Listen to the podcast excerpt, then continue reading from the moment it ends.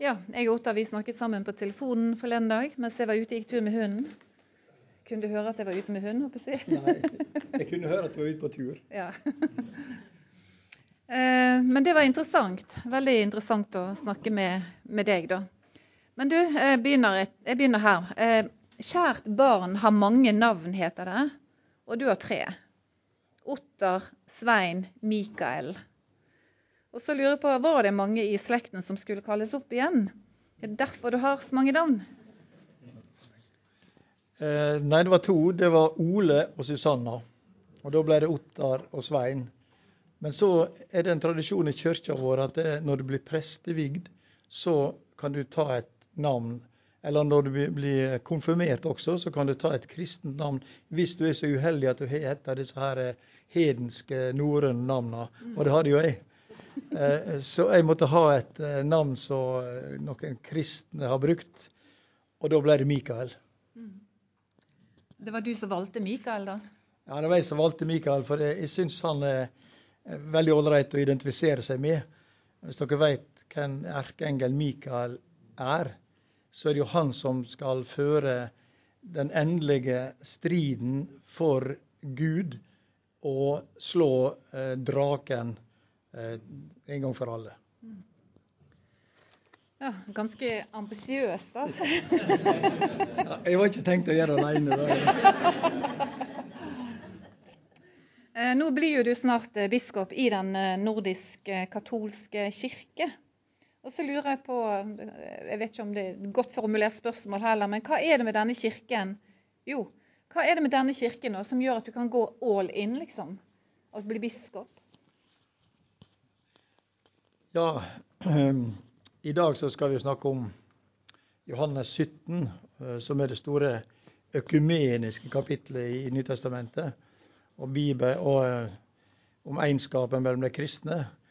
Og der står det at eh, å, bli, å bli helga handler om å bli helga i sanninga.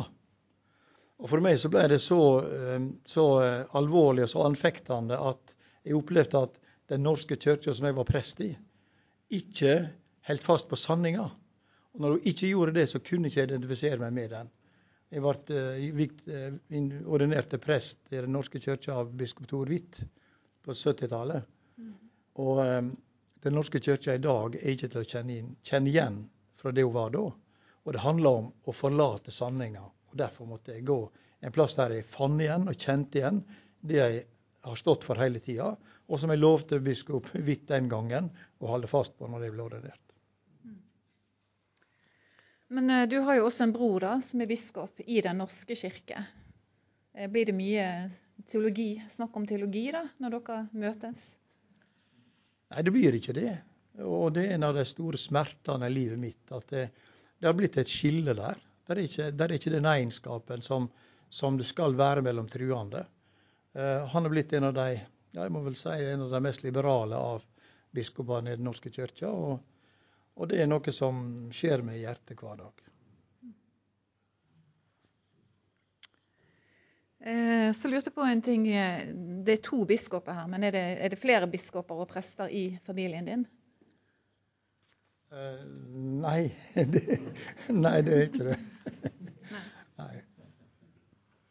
Men eh, nå er vi på Timoteus, der vi skal fordype oss i Bibelen. Og eh, hvor gammel var du når du fikk et forhold til Bibelen? Ja, jeg har gått eh, alle klassene på søndagsskolen. Og eh, noe for eh, livet merka av det at jeg hadde en far som var søndagsskolelærer. Og både flink og populær som det. Og han fikk til slutt Kongens fortjenestmedalje for å være søndagsskolelærer i 50 år.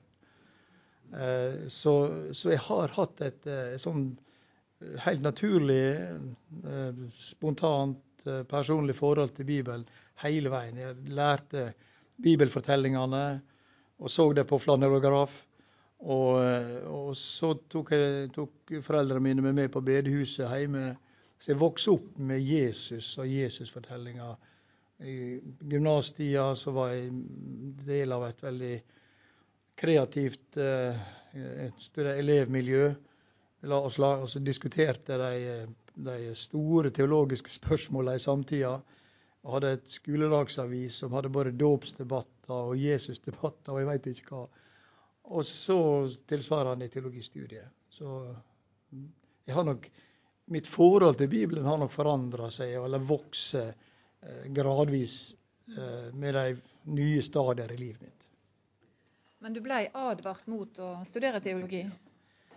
Jeg hadde en onkel som tok meg for seg ganske alvorlig og ja, velmeint før jeg begynte på teologistudiet, og sa det at du måtte aldri gjøre det. Du risikerer å miste trua. Eh, det er så mye liberale teologer og så mange bibeltolkere som fører vekk fra Skrifta, så du risikerer trua di hvis du begynner. Men jeg gjorde ikke det, og jeg er glad for at jeg ikke gjorde det. Men jeg, har, jeg lærte det i studiet allerede, at du må skille mellom åndene. Og du må skille mellom de du kan høre på, og de du må vise fra deg. Eh, hvordan leser du Bibelen? Hvordan, ja. ja, du sa du var ikke sånn mannakorn-type, sa du? Ja, jeg har aldri vært mannakorn-typen bibelleser. Det har jeg ikke. Uh, fordi eh, jeg syns, altså jeg syns for det ene at uh, Jeg hadde en sånn navigatørperiode i gymnastida da jeg hadde sånn kort uh, med skriftord som du skulle pugge utenat. Mm. Jeg syns det var veldig, veldig nyttig og, og hele tida opplevd det som veldig viktig å, å kunne bibeltekster utenat. Og jeg har lært meg at i den første kristne tida så var det, var det en veldig viktig pedagogikk at de skulle lære enkle bibelfortellinger til barna, og så gradvis eh, mer, og mer, sam, mer og mer eh, utførlige. Og så skulle de pugge og gjenfortelle disse fortellingene. Og så måtte de begynne å lære salmene i Det gamle testamentet og kunne dem utenat. Ble forventa ganske tidlig. Og, og, gjennom dette her, eh, at de da måtte pugge dem, så begynte de å, å gjengi dem. Og jeg har jo lært seinere at det er den beste pedagogikken. Skal du lære noe, så kan du lære litt av å lese. Du kan lese, lære litt mer av å lese og å se. Og du kan lære enda mer hvis du leser og gjenforteller. Så jeg tror at det, for, for, alt fra det å huske en vits ikke sant? Du husker ikke en vits før du har fortalt den til noen. Iallfall ikke jeg. Og jeg tror det er det samme med bibelfortellingene. Du husker ikke det før du gjenfortalte det. Og så var det jo det at eh, alternativet til å lese bare mannakorn, da, det er jo å forsøke å se sammenhengene. Og hvordan Det gamle og nye testamentet henger sammen. Og, og hele Skrifta er en, er en, der er røde tråder og én sammenheng i alt. Og det syns jeg er viktig. Jeg husker ingen vitser, men til gjengjeld noen bibelvers. da. men eh, har du en favorittbok i Bibelen? Tja jeg har mange, men altså, Johannes-evangeliet kommer høyt på lista. Og faktisk er Timotius også det. Mm.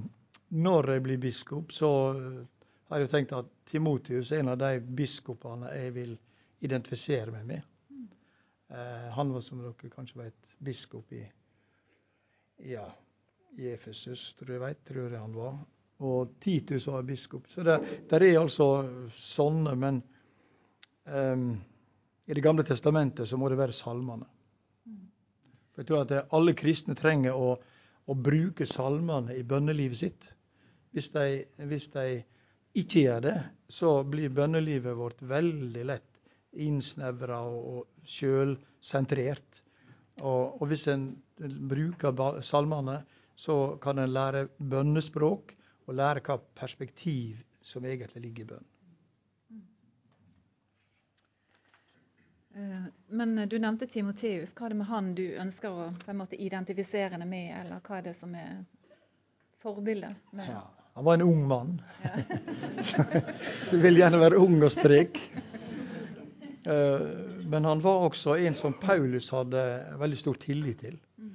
Han, eh, sånn som det ordet vi hørte nå til å begynne med, så, så, så fikk han opplæring av Paulus for at han skulle gi det videre til andre pålitelige. Eh, og det vil si at Timoteus var det eh, sjøl. Ehm, så han Og jeg tror han tok til seg disse Paulus' formaningene om gjør en evangelists gjerning, eh, ta vare på den, den eh, sunne lære. Eh, vi skal jo snakke om sanninger i dag, så sann og sunn tror jeg ligger nær hverandre. Eh, og alt dette her tror jeg eh, gir bilde av en, en, eh, en eh, hyrdeprofil som jeg tror er sunn. Nå skal du få et siste spørsmål. Eh, når jeg snakket med deg forleden dag, så sa du at du har aldri strevd med tvil. Eh, og så lurer jeg på, hva er det ved den kristne tro som du tenker gjør han så troverdig? Ja, når jeg sa at jeg ikke har strevd med tvil, så er det tenkt det sånn intellektuelt. Altså Jeg aldri har tvilt på Gud, og at Gud finnes, og at Gud er god, og at han vil oss vel, og, og alt dette her. Sånne problemer som mange strever med. at Hvordan kan Gud være god når det skjer så mye, er så mye vondt i verden? Det har jeg forsont meg med veldig tidlig. Men eh, troverdigheten i i kristendommen ligger for meg i det at det, den, er så, den, er så, heil. Den er så fullstendig så heilskapelig. Eh, jeg tenker at i dag så må du jo være opptatt av miljøvern skal, du, skal det være troverdig eh, for folk. Og, og jeg trenger, ikke å gå lenger enn til, til uh, Bibelen for å se hvor viktig miljøet er, fordi det er fra Gud. Skaperverket er gitt oss av Gud. Eller, eller som han sier, han Evert Taube, kaller den himla jorden eller englamarken om du vil. Eh, ikke sant? Det Gud har skapt, er, er, er, så, er, så, vakkert og godt. Og det Gud vil med det, er, er også et godt, for, godt, mål, et godt formål. Og, og, da er det bare om å gjøre for Gud å få gjort ende på sine fiender. Og det strever vi med. Jeg, jeg, jeg løy. Jeg sa ett, men nå skal du få et siste spørsmål. For du skal innvies som biskop på en mandag, og så lurer jeg på hvorfor en mandag? Ja, det er, det er to grunner til det. Det ene er at det, det er en for omfattende handling til å knytte til ei gudstjeneste, til ei søndags høgmesse. Og det andre er at vi prøver å finne fram til helgendager. Um, fordi vi tror at helgenene er med oss. At de ber for oss, slik Jesus gjør og at um, med å gjøre sånne hellige handlinger som en bispevigsel er, eh, på dagen til den helgen, knytte oss til helgenene sitt arbeid for Guds trune på vegne av oss. Der kunne det komme mange spørsmål i tillegg, men da vi slutter der.